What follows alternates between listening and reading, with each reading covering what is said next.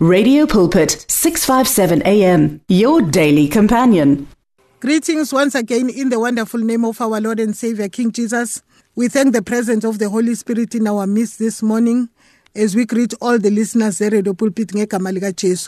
Our scripture reading this morning is in Acts chapter 17 verse 26 to 28. It reads as follows: From one man he made every nation of men that they should inhabit the whole earth, and he determined the time set for them and the exact places where they should build. God did this so that the men will seek him and perhaps teach out for reach out for him and find him thou he is not far from each one of us. Silibonge izwi kaNkuluNkulu. Manje the chapter le esifundile namhlanje reveals uh, the ending uh, ye Genesis chapter 11 uverse 8 le siyakhumbula mabekha iBhabheli. Lithi leli lizwi kuverse 8 kaGenesis so the Lord scattered them from there over all the earth and they stopped building the city of Babel in the plain of Shinar. Manje, as we know that the purpose of God, number one, according to Genesis chapter 1 28, was for us to increase in number and fill the earth. Number two, according to the verse esifundile go Acts chapter 17, it was that we should seek him and find him, thou he is not far from each one of us. Manje the topic yemessage yethu ithi so where you are. Tshala la ukhona. Manje this message will help abantu who wants to uh, who are not happy eSouth Africa. Ngezinto ezenzakalayo. And siyezwa ukuthi many people are emigrating. Why? Because they are not happy manje uma sibheka izwi kaNkuluNkulu sifunda kwincwadi kaRuth uh, we read about ifamily kaElimelech. And the meaning of the name Elimelech is God is a king. And siyathola ukuthi uEmelech immigrated from their country of Bethlehem and siyazi ukuthi the meaning of Bethlehem is the house of bread. And the Bible tells us that he went to Moab, and the meaning of the name Moab is called from my father. We remember why it's called from my father. It's because uh, the uh, izizukulwane zentombi zikaLot. Manje we remember that they were the Moabites because the daughters of Lot eh siyazi ukuthi benzani nobaba wabo. Manje the Bible tells us that in the time of Amalek u-Alimeleki he took his family. Why? Because there was a drought. And he emigrated to Moab. And uh, izwi likaNkuluNkulu lapho liyasitshela maliqala ukuthi it was the time eh yesikhathi sama judges where there was no king but if you look at it izwi likaNkuluNkulu ekugcineni the last verse yama-judges eh ichapter yokugcina iverse yokugcina ithi in those days Israel had no king. Everyone did as he fit. Manje this is tells us ukuthi even uAlemeleki he was no exception. Naye wayenza njengoba noma ubani wenzani. Although igama lakhe lona lithi God is a king he never inquired from God who is who is his king. Uma ebona this uh, ifemine ukuthi manje uNkulunkulu eh, eh, kunje? Can I emigrate to another uh, country and go somewhere else? What decide ukuthi let me pack my bags let me pack my family and let me go to Moab. Ngani? Ngoba ebona iMoab yona izinto zayo zihamba kahle manje how many of us today esibiza ukuthi uJesu Kristu is our Lord? But uma siphila siphila ngendlela esifuna ukuphila ngayo we don't even involve him in our decision making. Manje to crown it all uAlemeleki wayeka iBethlehem. Not foreseeing that the, uh, uh, that God had a future plan ngeBethlehem. Ngani? Ngoba uNkulunkulu had a future plan ngeBethlehem. Not foreseeing that God has a a, a, a, a future plan not only ngeBethlehem but nangaye. Sometimes when we move from uh, the place uNkulunkulu asifuna asifuna kuyo eh siyaye simove without eh eh kusho ukuthi singa understand ukuthi uNkulunkulu usifunelani kuleyo ndawo leyo. Sithola ilife kanda indaba kaIsaka ku Genesis chapter 26 uma sifunda indaba kaIsaka kuGenesis chapter 26 ukuthi nabo they encountered the very thing eya encounter eh ifamily kaAlemeleki nababo bonke ababehlala eBethlehem ngoba ithi mayifundeka lapha kuverse 1 kaGenesis chapter 26 ithi now there was a famine in the land besides the earlier famine of Abraham's time and Isaac went to Abimelech, king of the Philistines, in Gerar. The Lord appeared to Isaac in, and said, Do not go down to Egypt. Live in the land where, where I tell you to live. Stay in the land for a while, and I will be with you and I will bless you. Manje wasuka yena la wayekhona wahamba wayegera esathi ufuna ukudlulela phansi eyeGibhitha wathi uNkulunkulu stop awudlulela indawo uzoba kuleyo ndawo engubonisa yona. And even in that place i'm going to bless you in the midst of famine. But manje uma sibheka indaba kaAmaleki Elimeleki umyeni kaRuth I mean kaNaomi he it means he, he never inquired from God ukuthi uNkulunkulu eh you are my king. Negama lami ithi God is a king. Eh manje isimo sinje ngenzeni? How many of us uma izimo zisixakile we never go back to God ukuthi isimo singxakile eh ngiphume kanjani kulesi simo? Manje the topic yelanga lethu namhlanje ithi tshala la ukhona. Ngani ngoba siyabona ukuthi uNkulunkulu wakusho kuIsaka ukuthi tshala la ukhona ngizokubusisa la ukhona. Ngani? Ngoba uNkulunkulu uthembisile. kuDeuteronomy 28 kuverse 3 to 7 uAmeleki I think leli verse ebelazi ngoba uthe uNkulunkulu kuDeuteronomy 28 kuverse 3 to 7 wathi uNkulunkulu I will bless you in the city and I will bless you in the country. Your basket and your knitting will be blessed. Manje, it doesn't matter where we are. What matters is that are we in the in, in, in the will of God? What matters noma ngabe kunzima kanjani ngoba ungaphuma kulobunzima ubone the green pasture njengayulothi elithi izwi kaNkuluNkulu uAbraham wathi khetha lithi uma yebheka wabona the green pasture ezaseSodom naseGomora ingeka destroyer never knowing ukuthi uNkulunkulu noma ngabe iSodom neGomora yayibukeka inayo yonke into but phansi koNkulunkulu kwakwamanyala uNkulunkulu wabonayo and kwakwamanyala uNkulunkulu amnukelayo. Nobuhle beSodom neGomora ngaleso sikhathi lithi wathi make bona wa decide ukuthi ngiyakhona. Manje izinto ezifana nalezo yilezi uNkulunkulu athi so where you are. Ungabheki isimo ukuthi isimo sinjani. Bheka ukuthi wherever you are are you in the will of God? Manje izwi likaNkuluNkulu liyasitshela uma sifunda futhi nalaphayana uma sifunda izwi likaGenesis kuchapter 47 wakhona.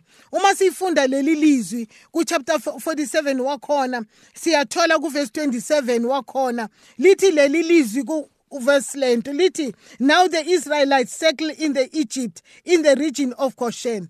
They acquired property there and were fruitful and increased greatly in number. Now when we look at the place of Goshen sithola ukuthi uma sibheka eh lapha ku chapter 46 kwakuyindawo uma sibheka ku chapter 46 eh, verse lokugcina ukuthi iGoshani kwakuyindawo eyayidelelekile kwakuyindawo eyayithatheka phansi kuyilena abantwana bakaIsrael bayosekela kuyo.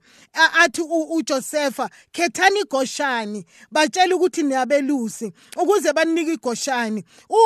uJosepha azange afune indawo ebukeka kahle wakhetha ukufuna iGoshani ngoba esazi ukuthi even in the midst eh, yesendawo yaseGoshani God is there to bless them. Manje lapho siyathola ukuthi lapho sebehlele egoshani liyasitshela izwi kaNkuluNkulu ukuthi batshala benza konke baphumelela. And manje the same chapter ku chapter 47 wakhona verse uh, uh, 15 lithi when the money of the people of Egypt and Canaan was gone all the Egypt came to Joseph and said, Give us food. Why should we die before your eyes? Our money is used up. Manje uma sibheka lento, these people were in the same place. And uh, the other people ngani ngoba they were in the will of God. Lithi zikaNkulunkulu they were prospering. They were building the houses. And the very people manje, the very uh, other people in the very place, lithi imali yabo yaphela. Baze baya kuyo uJosepha. Bathi kuye sinike ukudla.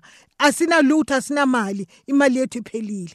Manje yilokho ekuseni kwanamhlanje. Izwi likaNkuluNkulu lithi tshala la ukhona. Ngoba if you are in the will of God noma isimo ngabe sinjani kula uNkulunkulu asiphumelelisa khona. Ngoba ushila uNkulunkulu ezwini lakhe kuDeuteronomy 28 ukuthi you will prosper in the country and you will prosper in you will prosper also in the city. Manje kuyi ngokuthi kuphi kuya ngokuthi usentandweni kaNkuluNkulu na. Manje siyabona futhi izwi likaNkuluNkulu uma silifunda futhi nalaphayana kwincwadi kaJeremiah 29 sizomfunda eh, from verse 4 to 13 lithi leli lizwi kuJeremiah 29 from verse 4 lithi this is what the lord almighty the god of israel says to all those who are carried into exile.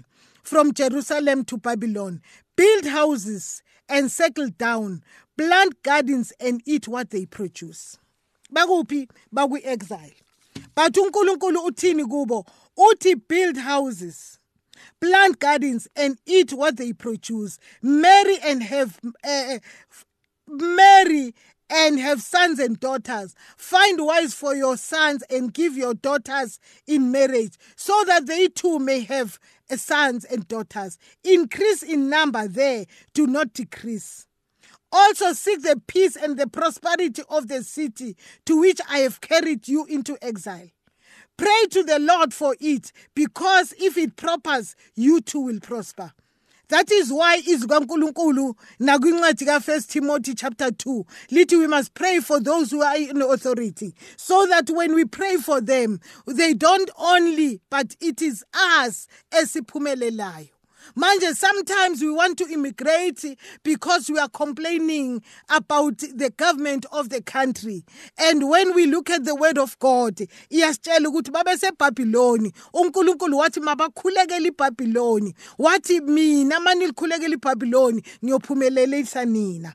Manje lana uma sibheka futhi siqhubeka nayo lithi lelizwi uNkulunkulu wathi yes this is what the Lord Almighty the God of Israel said do not let your prophets and the diviners among you deceive you do not listen to the dreams you encourage them to have. They are prophesying lies to you in my name. I've not sent them, declares the Lord. This is what the Lord says. When 70 years are completed for Babylon, I will come to you and fulfill my gracious promise to bring you back to, to this place. For I know the plans I have for you, declares the Lord plans to prosper you and not to harm you. In the midst of kwi-exile uNkulunkulu uthi kubo I've got plans for you plans to prosper you and not to harm you and lana lithi maliqhubeka then you will call upon me and come and pray to me and I will listen to you you will seek me and find me when you seek me with all your heart I will, I will find by you, declares the Lord, and I will bring you back from captivity. I'll gather you from all the nation and the places. Manje uNkulunkulu uyakhuluma la ukuthi as long kuyimi engitheniye kwe-exile yakhani lapho tshalani lapho nina nizophumelela ngizoniphumelelisa niloku nilapho. Manje ekseni kwanamhlanje sikhuluma ngento efana naleyo ukuthi uma usentandweni kaNkuluNkulu tshala la ukhona. Sometimes we want to move away kanti uNkulunkulu usifuna lapho. Manje ekseni kwanamhlanje siyathola ukuthi kwenzeka ukuthi sometimes uNkulunkulu yena uthi uye uNkulunkulu othi move then uma uNkulunkulu eshila ukuthi move is then that uNkulunkulu asiphumelelisa kule ndawo esiya kuyo. Ngani? Ngoba uthi uNkulunkulu I will prosper you in the city and I will prosper you in the country. Manje ekseni kwanamhlanje siyathola ukuthi kwenzeka ukuthi kube uThixo ngokwakhe okususayo kuleyo ndawo athi suka for some reason ngoba uNkulunkulu uyawakwenza lokho nakum Shunammite woman esifunda ngayo lapha ku Second Kings. Siyafunda ngalento ukuthi uNkulunkulu yena wamtshela. Masifunda from uh, verse 1 ku chapter 8 ku Second Kings. Lithi lapha now Elisha said to the woman whose son he had restored to life Go away with your family and stay for a while wherever you can because the Lord has because the Lord has decreed a famine in the land that will last 7 years. The woman proceeded to do as the man of God said. She and her family went away and stayed in the land of the Philistines 7 years. All the end of 7 years she came back at the end of seven years, she came back from the land of the Philistines and went to the king to beg for her house and the land. The king was uh, talking to Gehazi, the servant of a man of God, and said, Tell me about the great things Elisha has done. Just as Gehazi was telling the king how Elisha has restored the dead to life, the woman whose son Elisha had brought back to life came to beg the king for for her house and the land. Gehazi said, This is the woman, my lord, the king. And this is her son whom Elisha restored to life. The king asked the woman about it, and she told him. Then he assigned an official to her case and said to him, Give back everything that belonged to her, including all the income from her and from the day she left in the country until now. Not only eh wanikezwa back in the land. Not only wanikezwa back izinto ethile but the bible tells us lapha evesini ithi it was including the income from her land. Ukuthi nale land yakhe yenza income from for 7 years. uNkulunkulu wakwazi ukumbuyisela ukuthi ibuyele kuye back. Why? Because ukuhamba kwakhe wahamba ngoba kukhulume uNkulunkulu. uNkulunkulu uma uhambe wasuka endaweni noma kukuphi la uNkulunkulu ngani ngoba sifundile kwizenzo chapter 17 ukuthi uNkulunkulu wherever we are kuyilapho uNkulunkulu asibeke khona. Manje uma sibheka leyo nto leyo ukuthi sometimes even nefamily ozalelwe kuyo kula uNkulunkulu ekufuna khona. Khona kuleyo family leyo esizalelwe kuzona. Noma thina sibona ukuthi abantu abangekho right kula uNkulunkulu asiprospera khona. Manje la ekseni kwanamhlanje izwi likaNkuluNkulu lithi tshala la ukhona. Uyabona ngisho nasemabandleni lithi tshala la ukhona. Sometimes sifuna ukusuka ngoba abanye abantu bathi mabesihlele ebandleni sebebona lela bandla seligcwele athi umuntu hayi mina leli bandla ngazuthi aliyindawo ngiyasuka mina ngiyalaphayana ngiya kule ndawo e, e, e, ibandla lakhona abantu bakhona begcwala behamba ngemoto ezinhle ngiyasuka la. Uthi uNkulunkulu tshala la ukhona. Ngoba uNkulunkulu kukhona nevesi kuDeuteronomy athi ya endaweni engizokubeka kuyo ukuze ngifike lapho ngikubusise. uNkulunkulu ubusisa la ukhona. Ngani? Ngoba he will send his angel eh uNkulunkulu concerning us each one of us. But when the angel ifika isithole singekho. Ngoba izwi kaNkulunkulu sesivala kuma Hebrew 1 liyasitshela ukuthi the angels are the servant who serve those those who receive salvation. Ah manje ekseni kwanamhlanje izwi kaNkuluNkulu lithi tshala la ukhona. Whether ubandla elithile whether usendaweni ethile ungasuswa isimo iba sentandeni kaNkuluNkulu. Not to say you cannot move but see to it ukuthi umuva ngoba usentandeni kaNkuluNkulu. May God richly bless us. Father God we thank you this morning ukuthi baba let us be led by the holy spirit ukuze whatever sitshalayo izokwazi ukukhula ngoba uma sisuka sithatha lembewu esiyitshalayo soyitshala kumnye umhlabathi ayingeke ikwazi ukukhula ngoba idalelwanga leyo mbewu leyo baba siyabonga ngegama lika Jesu Christ waseNazaretha amen The words of the Lord are words of life Your heart is on 657 AM. 657 AM. Radio for believers in action.